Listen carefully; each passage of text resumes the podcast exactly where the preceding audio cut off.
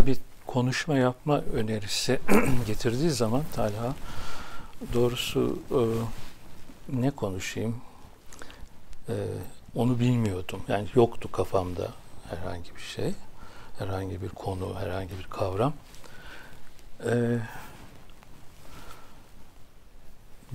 birden aklıma böyle bir soru geldi. Yani orta çağ sona erdi mi? gibi böyle bir soru. Ee, hemen söyledim. Böyle bir şey. Ama tabii orta çağ sona erdim derken biraz orta çağ çalışmış olmak gerekiyordu. Ee, doğrusu çok fazla orta çağ e, çalıştım ki tabii ki Batı orta çağını kastediyorum. Ee, çalıştığım söylenemez. Tekrar şöyle bir gözden geçirdim. Ee, evet. Soru e, soru e, aslında böyle bir soru e, sanki cevabını da içinde taşıyor gibi duruyor birden. Birden ilk bakıldığı zaman orta çağ sona erdi mi?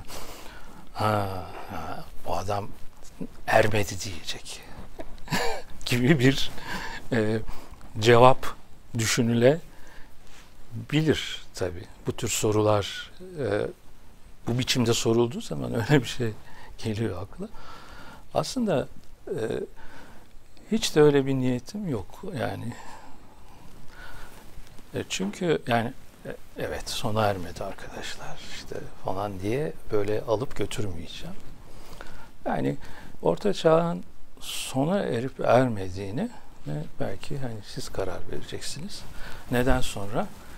İşte ben bir şeyler anlatacağım. Belki ondan sonra bu ortaçağ kavramı üzerinde biraz durmak gerekiyor. Ee, insanın düşünebilmesi, e, bazı sorulara yanıt verebilmesi için e, her zaman bir hareket noktası gerekir. E, bilgi, e, bilgi dediğimiz şey ya da bilgi sahibi olmak bu hareket noktalarından birisidir. Önemli bir de hareket noktasıdır bu. Ee, bu soru işte yani orta çağ sona erdi mi e, sorusu. Ee, bu soru üzerinde düşünebilmek ve cevap verebilmek için bu soruya tabi Orta Çağ'ın, Batı Orta Çağ'ın bilgisi gerekiyor bize.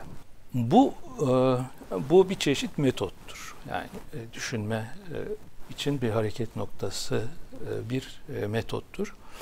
Böyle bir metot, böyle bir bakış ya da diyelim ya da böyle bir felsefi bilgi aslında evet bir felsefi bilgidir bu. Biraz biraz sonra söyleyeceğim.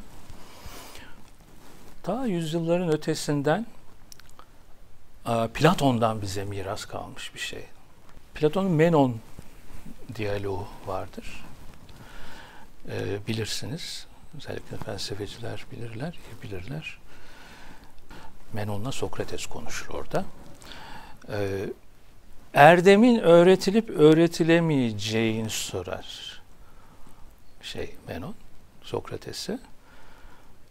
Erdem öğretilebilir mi, öğretilemez mi? Böyle bir. Erdem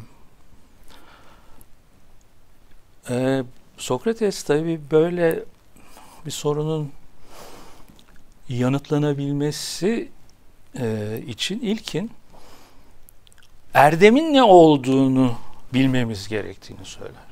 Ne olduğunu. Yani, yani ne ki erdem ne ki öğretilebilir ne ki öğretilemez.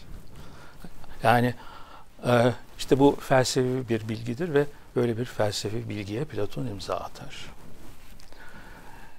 Ve o bilgi o dönemden günümüze kadar da gel, geçerliliğini yitirmeden gelmiştir. Bir kavramın ne olduğunu e, bilmezsek, bilgisini bilmezsek o kavramla bağlantılı soruları e, cevaplandıramayız. Doğru ya da yanlış. Ama yani bir hareket noktası oluşturmak bakımından bu önemlidir. Ee, işte bu çizgide denebilir ki aynı sorudur bu. Orta çağ sona erdi mi sorusu aynı paralelde bir sorudur.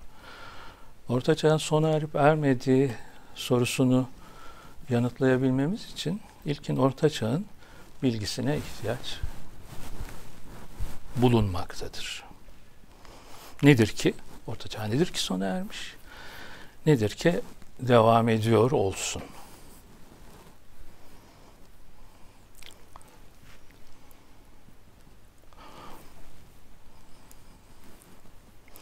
Bir çeşit e, tarihi e, zaman dizinsel yani kronolojik bir biçimde ele alan tarihçiler için felsefe tarihi de e, böyle bir bağlamda başlayan ve biten dönemlerden ibarettir. Yani işte baktığınız zaman her her türlü yani bir tarih e, biçimidir, tarih yazma e, biçimidir bu. E, belirli tarihlerde başlar, biter, başka bir dönem başlar, başka bir dönem e, biter. Çünkü tarihi bu biçimde kavramlaştırmak, anlamayı, bir biçimde bilmeyi, tabi bu arada ezberi de kolaylaştırır. Böyle ezberleriz. İşte öğrenciler öyle yaparlar. Değil mi? Mesela yani ezber çok kolay ezber olur bu e, zaman dizinsel bir biçimde ayırdığınız zaman bir e, şeyi bir süreci diyelim öğrenmesi kolay olur. Ezber ezberlenir çünkü o. Yani e, çok fazla böyle hani ne oluyor, ne bitiyor falan ona çok fazla girmeden ve ezberlenir. E işte hoca da soru sorar, ondan sonra soruyu da cevaplar ve geçer gider öğrenci. Bu da bir başka soru ortaya çıkıyor. Tabii bir sorun ya da soru ya da sorun ortaya çıkıyor. Belirli tarihler arasında başlatılan ve bitirilen dönemlerde e, başlayan ve biten nedir? Başlayan ve biten nedir? Böylece bakın böyle bu soruyla bağlantılı olarak ortaya varlıksal ya da ontolojik bir soru olarak o dönemi öyle bir dönem yapan nedir e, diye dile getirilebilecek bir varlık sorusu çıkıyor.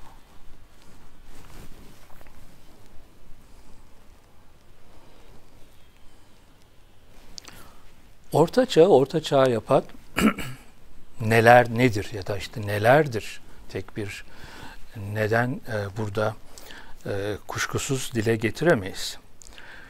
E, ki acaba sona erdiği ve bir başka dönemin başladığını söyleyebilelim. Ya da orta çağ, orta çağ yapan nedir? Nelerdir? Ki orta çağın hala bitmediği e, söylenebiliyor olsun. Ya da işte yani söylenemez olsun.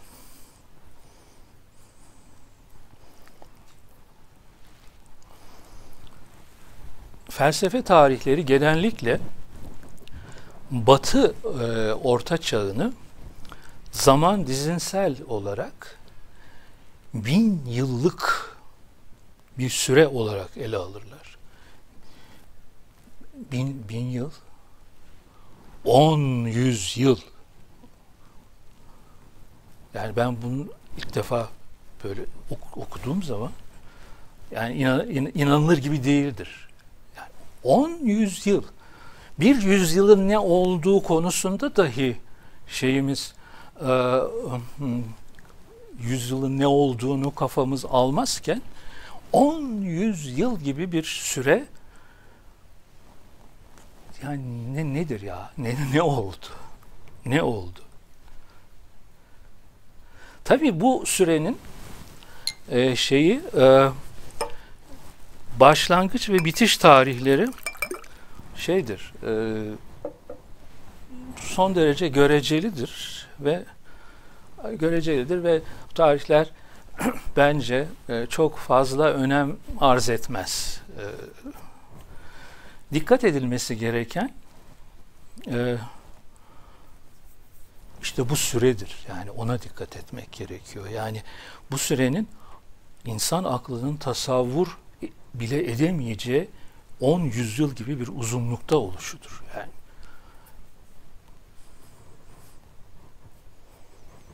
Yani insan yaşamı için son derece uzun bir süre. Müthiş bir şey. Yani insan yaşamının ötesinde bir süre. Astronomik bir süre belki de. Şunu düşünebiliriz buna bakarak. Bu süre içinde değişmeyen bir bakıma tarihçileri tarihçileri tabi bu arada felsefe tarihçilerini de esas itibariyle belki felsefe tarihçileri söz konusu olacaktır burada. Orta çağ gibi bir kavram e, kavram oluşturmalarına götüren şey nedir?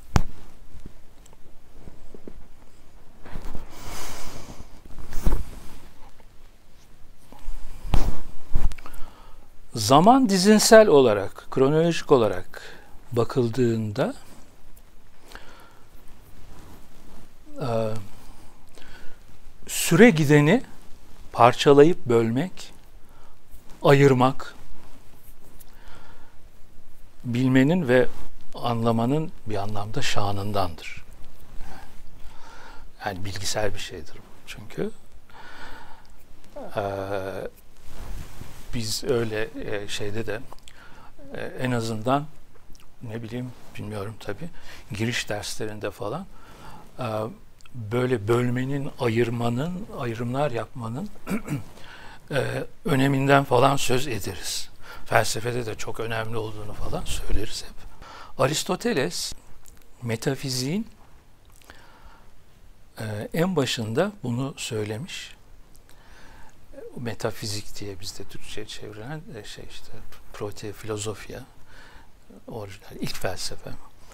E, ve burada benim bölme, parçalama, ayırma e, dediğim işlemin bilgi adına nasıl yapılması gerektiğini göstermiştir. Yani şey yani o metafizik böyle özetmeden e, bilir. Bu. Böylece var olanın ki burada var olan derken kastettiğim şey orta çağ. Orta çağın ondan önce gelmiş olanla ilişkisi bilinip anlaşılacak. Bu ilişki kurulacak. Bağlantılarla var olanın varlığı yani bütünlüğü görülmüş e, olacaktır. Ki bu bütünlük işte bu bütünlük kavramlarda yansır hep. Kavramlarda bir bütünlük söz konusudur.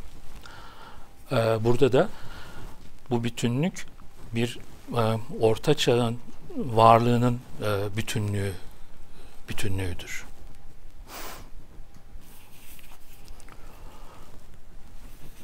Böyle bir bakış önemli bir bakıştır felsefede. Buna ontolojik ya da e, bağlantısal bir bakış e, denir. Ya da felsefi bakışta diyoruz biz. E, bu bakış ya da yaklaşım e, diyelim bizim kendimize nesne edindiğimiz şeyde e, neye bakılacağını belirler. Neye bakacağız burada biz? Yalnız bir şey bir ayrım yapmak lazım. Neyin görüleceğini değil, neye bakılacağını. Neyin görüleceğini değil. Şu görülecektir. Ay değil. Bambaşka bir şey oluyor o zaman.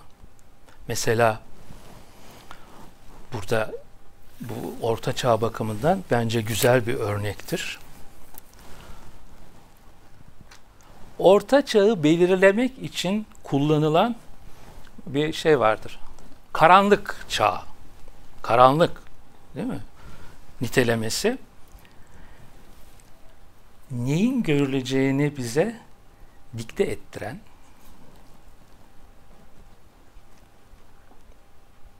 neyin görülmesi gerektiğini söyleyen böylece onun bağlantısal bütünlüğünü bozan bir nitelemedir. Çünkü böyle bir niteleme en azından en azından böyle bir niteleme bu çağda yapılan felsefeyi göz ardı eder. Yani orta çağa böyle bakıldığı zaman hareket noktası neresidir? Aydınlanmadır. Aydınlanma açısından bakıldığında orta çağ, karanlık çağ. Orada bir problem var. Neye bakmalımız, nelere bakmamız, neye bakmamız gerekiyor? O halde nesnemiz orta çağ olduğuna göre onun bütünlüğünü görüp onun bütünlüğünü anlayabilmemiz için nelere bakalım ki böyle bir bütünlük oluşabilsin diyelim. Şimdi ilkin Batı Orta Çağ'ın bir oluşma süreci var. Bir oluşma süreci. Bu sosyal ve kültürel e, açıdan da önemli bir oluşma süreci tabii. Büyük ölçüde öyle. E, ve çok şeyler, yani objektif veriler bunlar aslında. Batı Orta Çağı'nın nasıl oluştuğuna ilişkin sosyal, kültürel, fiziksel hatta diyelim şeyler, veriler söz konusu. Bunları hesaba katmak gerekir.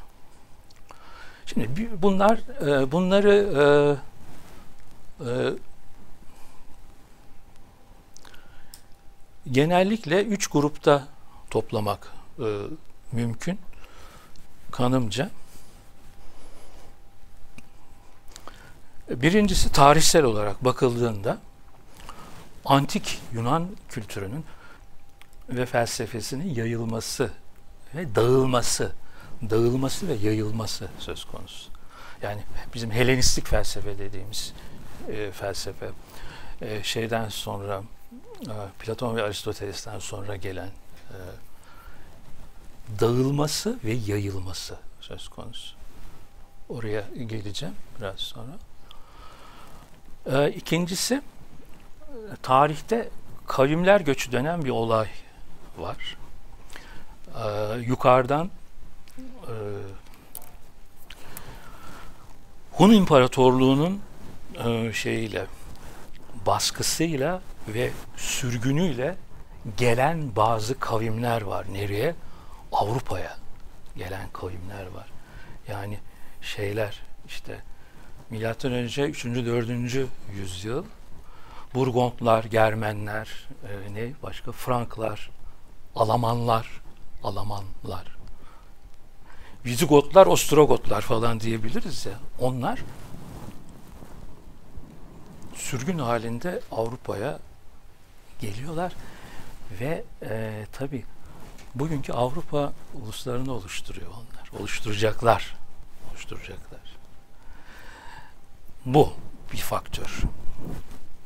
İkinci. Üçüncüsü Üçüncüsü ki çok önemlisi, bence en önemlisi, yeni bir tek tanrılı din doğuyor, Hristiyanlık.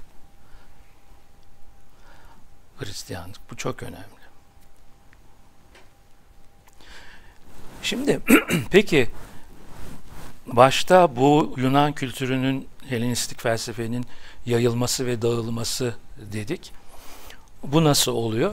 Yukarıdan Hunlar Peki bu taraftan Anadolu üzerinden kim? Anadolu üzerinden de Persler geliyor. Pers istilası var. Ee, ne oluyor? Bu sefer Helenistik kültür bir, Güney'e Mısır'a gidiyor. Orta Doğu'ya gidiyor. Bir de böyle üçlü bir yayılma gösteriyor. İtalya'ya gidiyor. Şeye, Avrupa'ya taşınıyor. Peki yani bu taşınma yani bir kültürün taşınması demek kültürel kültür unsurlarının kültürü oluşturan şeylerin taşınması demek olduğuna göre burada e, felsefenin felsefe adına yapılmış, yazılmış olan şeylerin taşınması demek kuşkusuz. E, güneyde ve yakın doğuda Helenistik kültürün ürünleri, özellikle felsefe ürünleri Arapçaya çevriliyor. Batı'da da Latince'ye çevriliyor. Antik çağdan batıya geçen nedir? İşte antik çağda ne sormuştu filozoflar? İşte e, arke sorunu antik çağda ya da işte doğa nedir ya da işte evrenin ana maddesi nedir e, türünden e, sorular var. E, ve giderek var olanı, var olanı ya da çoğul olarak da kullan, var olanları öyle bir var olan yapanın ya da yapan şeylerin neler olduğunu e, sorarken antik çağ, orta çağın bu bağlamdaki sorusu biraz farklı bir soru oluyor. Varlık nedir? Antik çağ bunu sormuyor. Antik çağ var olan nedir? Şu nedir?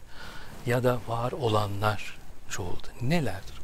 Var olan var olan nedir? Bambaşka bir soru çıkıyor. Çok yakın gibi geliyor. Var olan var ama çok farklı bir soru bu. Var olan nedir? Yani burada dikkat edilmesi gereken şey var olan ile varlık kavramları arasındaki ayrımdır.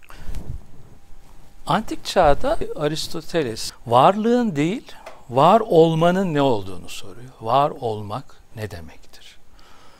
Ya da varlığın değil, var olanların neler olduğunu soruyor. Var olanların neler olduğunu soruyor ve bunu felsefi dille ifade ediyor. bizim varlık modaliteleri dediğimiz yani varlık modeli, varlık tarzları dediğimiz bir e, bir şey bu. Varlık tarzları, varlık modaliteleri. Ve böyle üç türlü varlık tarzından söz ediyor.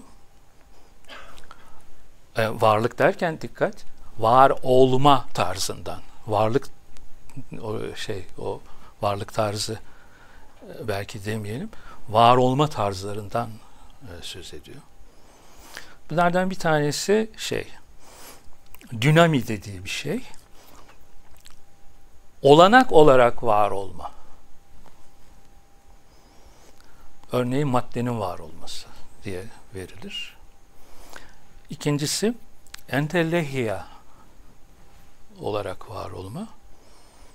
Amacını kendi içinde taşıyarak var olma deniyor. Bu da e, işte türlerin, neliklerin, e, biçimlerin var olması. Üçüncüsü de energeya dediği etkin halde var olma. E, cisimsel teklerin, yani şunlar gibi, e, bütünlerin bizim gerçek varlıklar dediklerimizin var olması. Gerçek. Yani elle tutulur, gözle görülür falan anlamında. Ama bir de burada bütünlerin var olması söz konusu ki mesela bu ne demek? Bütünlerin var olması dediğim zaman işte Orta Çağ'ın var olması ya da Avrupa'nın var olması. Bu etkin halde var olma. Ama ele biraz önce söylediğim bazı unsurların bir arada birleşerek bir Avrupa'yı, Avrupa denen bir oluşumu yapmaları. Bu etkin halde. Bütünlerin var olması derken kastedilen şey bu Avrupa'nın varoluşu. Örnek olarak verilebilir burada bence. Ee,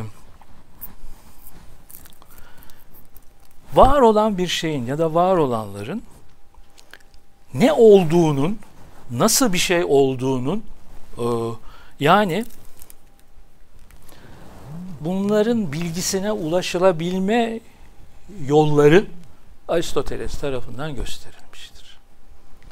Onun için hani Batı'da Aristoteles bilimin babası falan sayılır işte bu yüzden. Değil mi?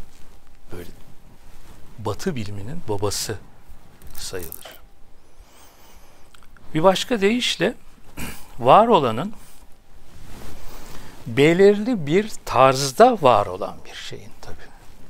Belirli bir tarzda var olan bir şeyin. O var olanı öyle bir var olan yapan şeylerin ya da şeyin bilgisine ulaşılabileceği gibi bilgisine ulaşılabileceği gibi bu araştırma gerektiriyor çünkü bilimi oluşturuyor.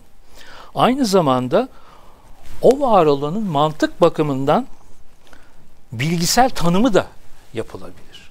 Bilgisel tanımı da yapılabilir. Yani bunun ne olduğu, bunun bilgisel tanımı yapılabilir. Tabi bazı kavramlar söz konusu olacaktır o tanımı yapabilmek için ve o kavramlar arasındaki bağlantılar söz konusu olacaktır. Bu bütünü e, şey yapmak, açıklayabilmek, anlatabilmek için. E, çünkü bu da Aristoteles'ten gelen bir şeydir.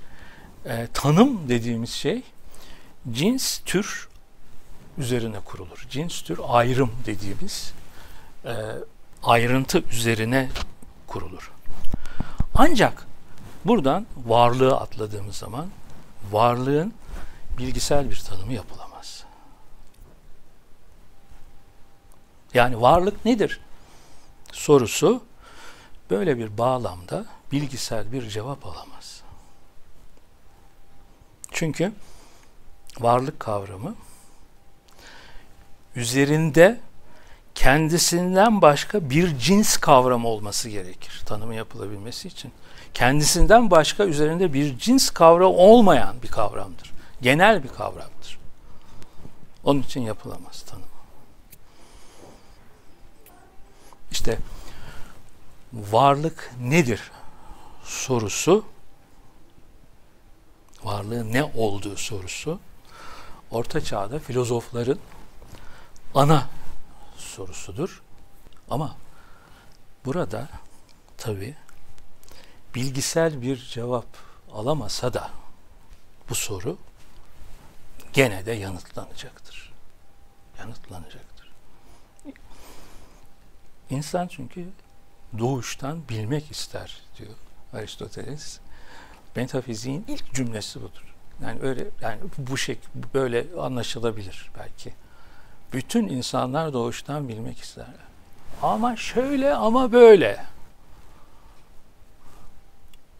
Sonra işte bilmenin nasıl olabileceğini gösteriyor orada metafizikte.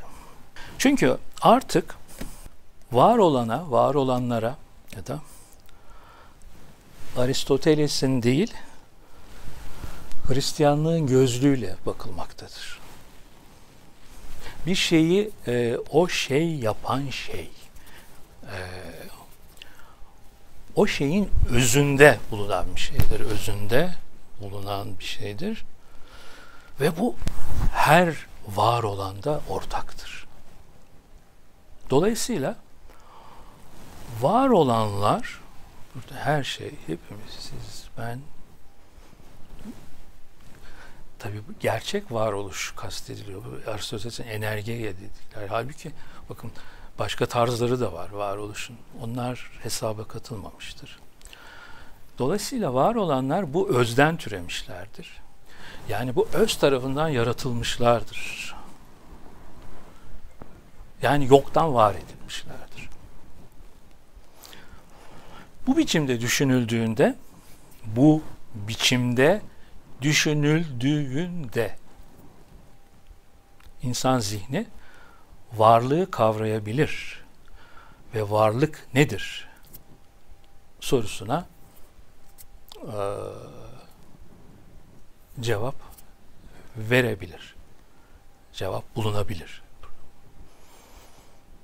İnsan düşüncesi var olmayı, varlığa gelişi diyelim, bir şeyin var olmasını, yani Latince'de söz var, bir söz var, ex nihilo, yani e, yoktan var edilmiş bir şey olarak e, kabul edebilecek bir yapıya sahiptir.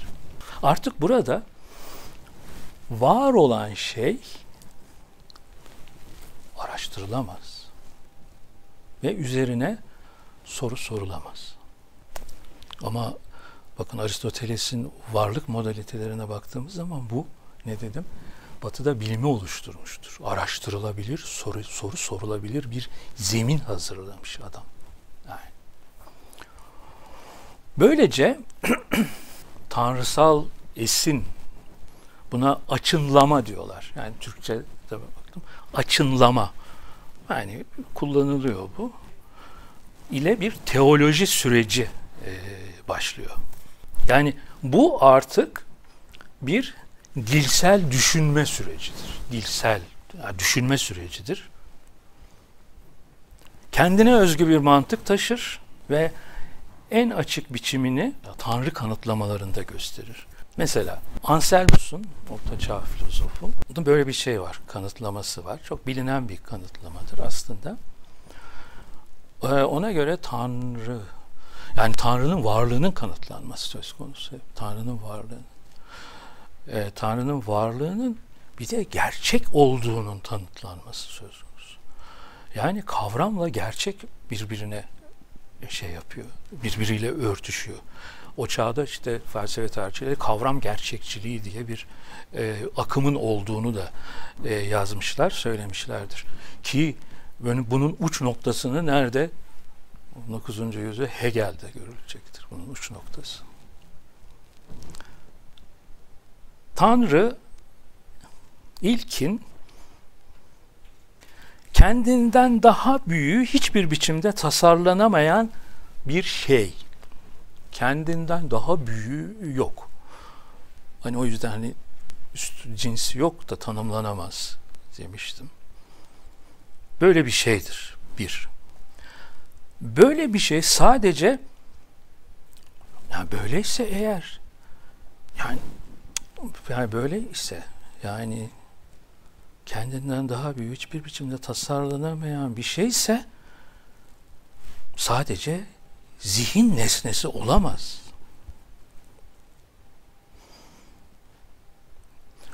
Olsa bile olsa bile bunun hem zihinde hem de gerçeklik alanında olması gerekir. Bakın mantıksal akıl yürütmeler. Öylesine gerçek olarak vardır ki onun var olmayışı onun var olmayışı düşünülemez. Düşünülemez bile. Düşünemeyiz var olmayı. Var olmadığını. Var olmayış olarak düşünmenin olanaksız olacağı herhangi bir şey tasarlanabilir gerçekten. Öyleyse Tanrı var olmayış olarak tasarlanabilen şeyden üstündür. Bundan ötürü de eğer kendinden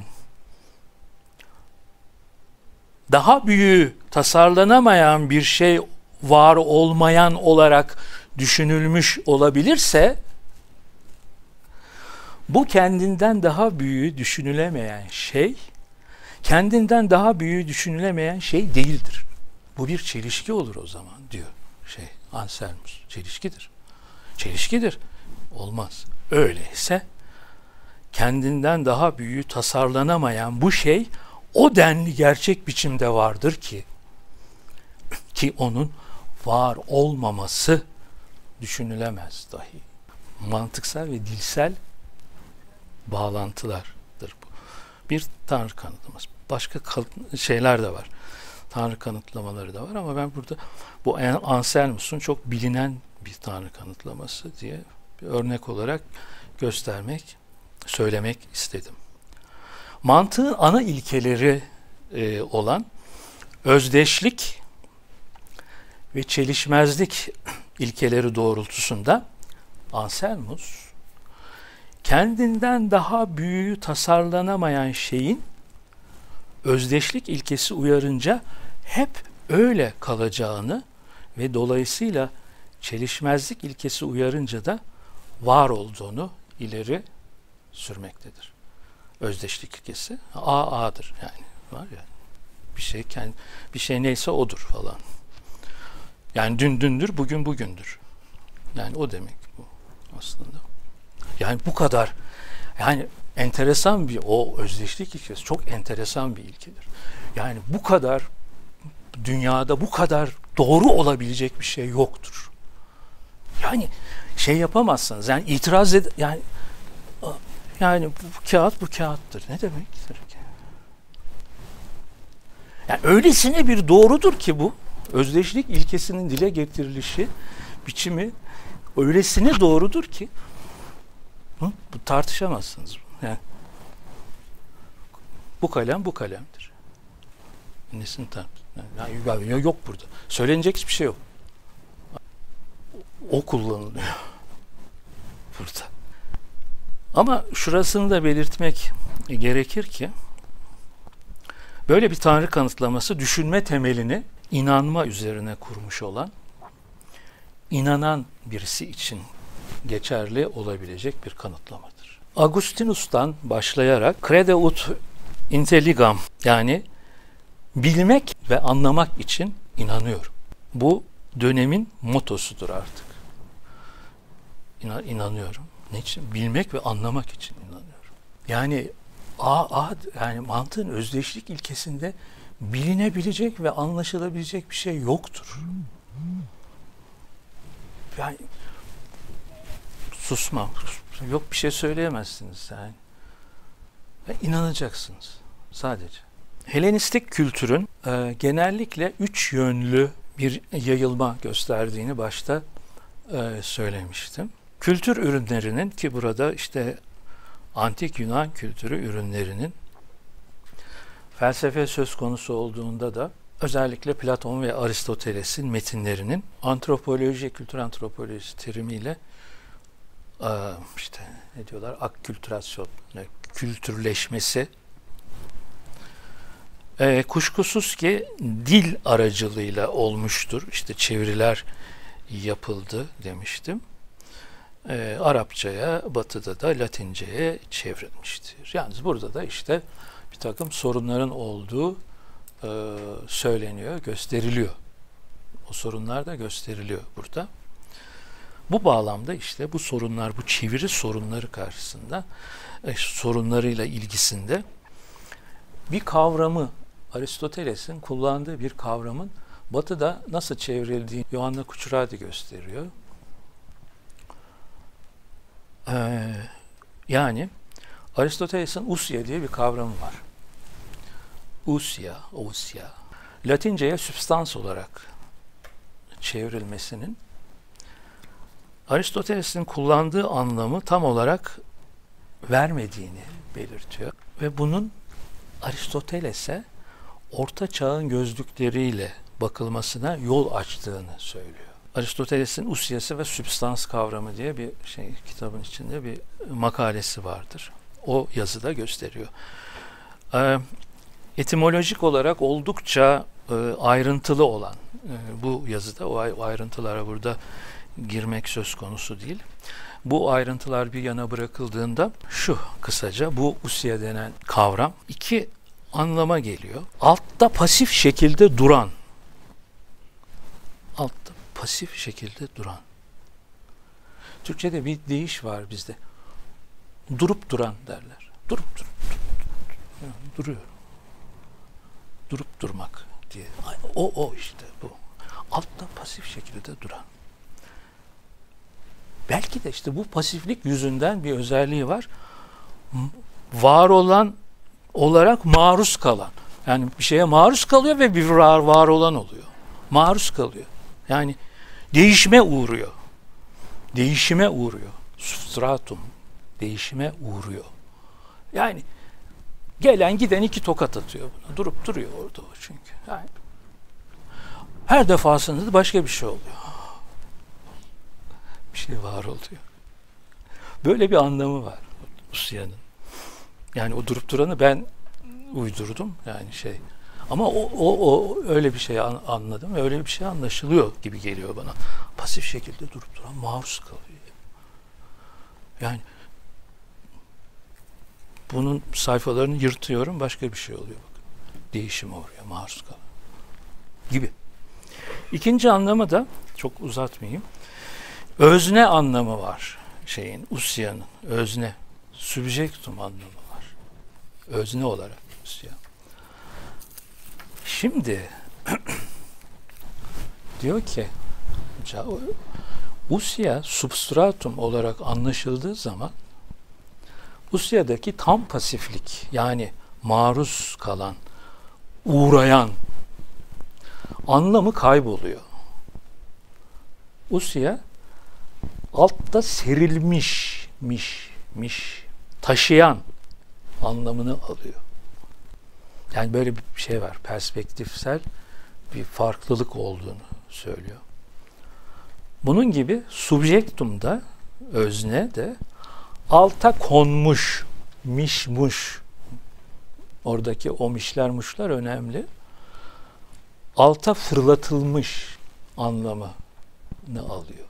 Burada altta pasif şekilde duran için onun ancak var olan bir şey olduğunu söyleyebileceğimiz, var olan bir şey olarak ne olduğuna bakabileceğimiz, ona uygun sorular sorabileceğimiz halde bu kez Usiya'yı alta serilmiş anlamında anladığımızda ilkinde sorduğumuz sorulardan farklı olarak onu kimin alta serdiğini sorusunu taşıyan anlamında da benzer biçimde neyi taşıdığını sormamız olanağı açılıyor. Yani Aristoteles böyle bir şeyle uğraşmıyor. Ancak bu e, substratum, substans anlamında kullanıldığında bu anlama geliyor ki bu e, usya kavramının e, yorum yani belki yorumlanış biçimi de denebilir. E, Latince'ye çevrildiğinde yorumlanış e, e, biçimi. Üstelik bu substans e, kavramı gerçek var olma, cisimsel var olma anlamı da taşımaktadır. Usya substans kavramıyla karşılandığında ve ona indirgendiğinde ona kaçınılmazcasına gerçek var olmada yüklenmiş olmaktadır. Böylece Tanrı kanıtlamalarında olduğu gibi Orta Çağ'daki paralojizmlerin, diyalektik akıl yürütmeler, bunların kaynağı Aristoteles'in sübstansiyaya indirgenen usiyası oluyor. Orta Çağ'da her türlü düşünmenin Tanrı'nın varlığının adeta deyim yerindeyse ipoteği altında olduğu söylenebilir. Her şey bu en yetkin varlığa göre evrendeki yerini alır. Tanrı'nın varlığı dışındaki her varlığın betimlenişi yine Tanrı'ya göredir. Tek tek var olanlar belli bir sıra düzeni içinde Tanrı'ya göre konumlandırılmaktadırlar. Ama bu durum felsefe yapmayı olanaksız kılmaz. O yüzden zaten karanlık falan değildir orta çağ. Öyle ki mesela Boetius'un felsefenin tesellisi metninde şunu söylüyor. Dünya üzerinde yayılmış olan varlıkların biçimlerinde o kadar büyük bir çeşitlilik var ki. Ama onları ne kadar çeşitli görürsek görelim, onların hepsinin yüzü öne eğiktir. Ve duyumları sanki onları ağırlaştırmıştır. Yalnızca insan cinsi başını havaya kaldırır, bedenini dik tutmaya başarır ve yeryüzüne yukarıdan bakar.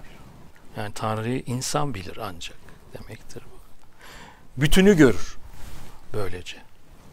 Yani başka bütün her şey var olanların başı eğiktir. İnsan yapar bu. Bütün bu var olanların bir yaratıcısı olması gerektiğini ve onun gerçekliğini düşünür. Kaçınılmazcasına. Öyle ki Orta Çağ'da günümüzde felsefenin çeşitli dallarına zemin hazırlayacak görüşler oluşturulmuştur, oluşmuştur, mevcuttur. Mesela Occam'ın suppositio yerine koyma diye e, çevrilmiş, çevriliyor. Bir görüşü var. Bu işte orada felsefe yapmaya örnek olarak e, verilebilecek bir görüştür ve günümüz dil felsefesine yani işte dil felsefesinden ne zaman Wittgenstein falan da anlaşılabilir. Zemin hazırlamış bir görüştür. Yerine e, koyma. Yani sözcükler, kavramlar e, hep şeydir. E, göstergelerdir. Kendileri şey değildir onların. Yani kendileri var var olan var var olanı bize gösterirler. Var olanları gösterirler. Bunlar işaretlerdir, göstergelerdir. Yerine koyma e, görüş. Böyle bir şeydir ve çok önemli bir görüştür. Günümüzde dil felsefesi dendiğinde bütün o dil felsefecilerine zemin hazırlamış bir görüştür. O kadar önemlidir. Yani orta çağ bu türlü düşüncelerle dolu bir çağdır. Hareket noktaları o çağdaki şu veya bu biçimde Tanrı inancı temeline dayansa da Batı'da e, işte Thomas Aquinas, Agustinus 10 yüzyıl, Boetius, Scotus Erigena, Anselmus, Abelardus, Bonaventura, Duns Scotus. Doğu'da Farabi İbn Sina, Gazeli İbn Rüşd gibi filozoflar yetişmiş. Kendilerinden önce gelmiş felsefi düşünceleri ciddi biçimde kendilerince ele almışlardır. Ee, diyerek ben konuşmamı bitireyim. Yani işte böyle bir yani orta çağ e, yani orta çağın ne olduğuyla ilişkin bir şey çizmeye çalıştım ama e, yani o soruya ben cevap e, bütün bundan sonra bunların üzerine bu soruya nasıl bir cevap verilir? Orta çağ sona erdi mi?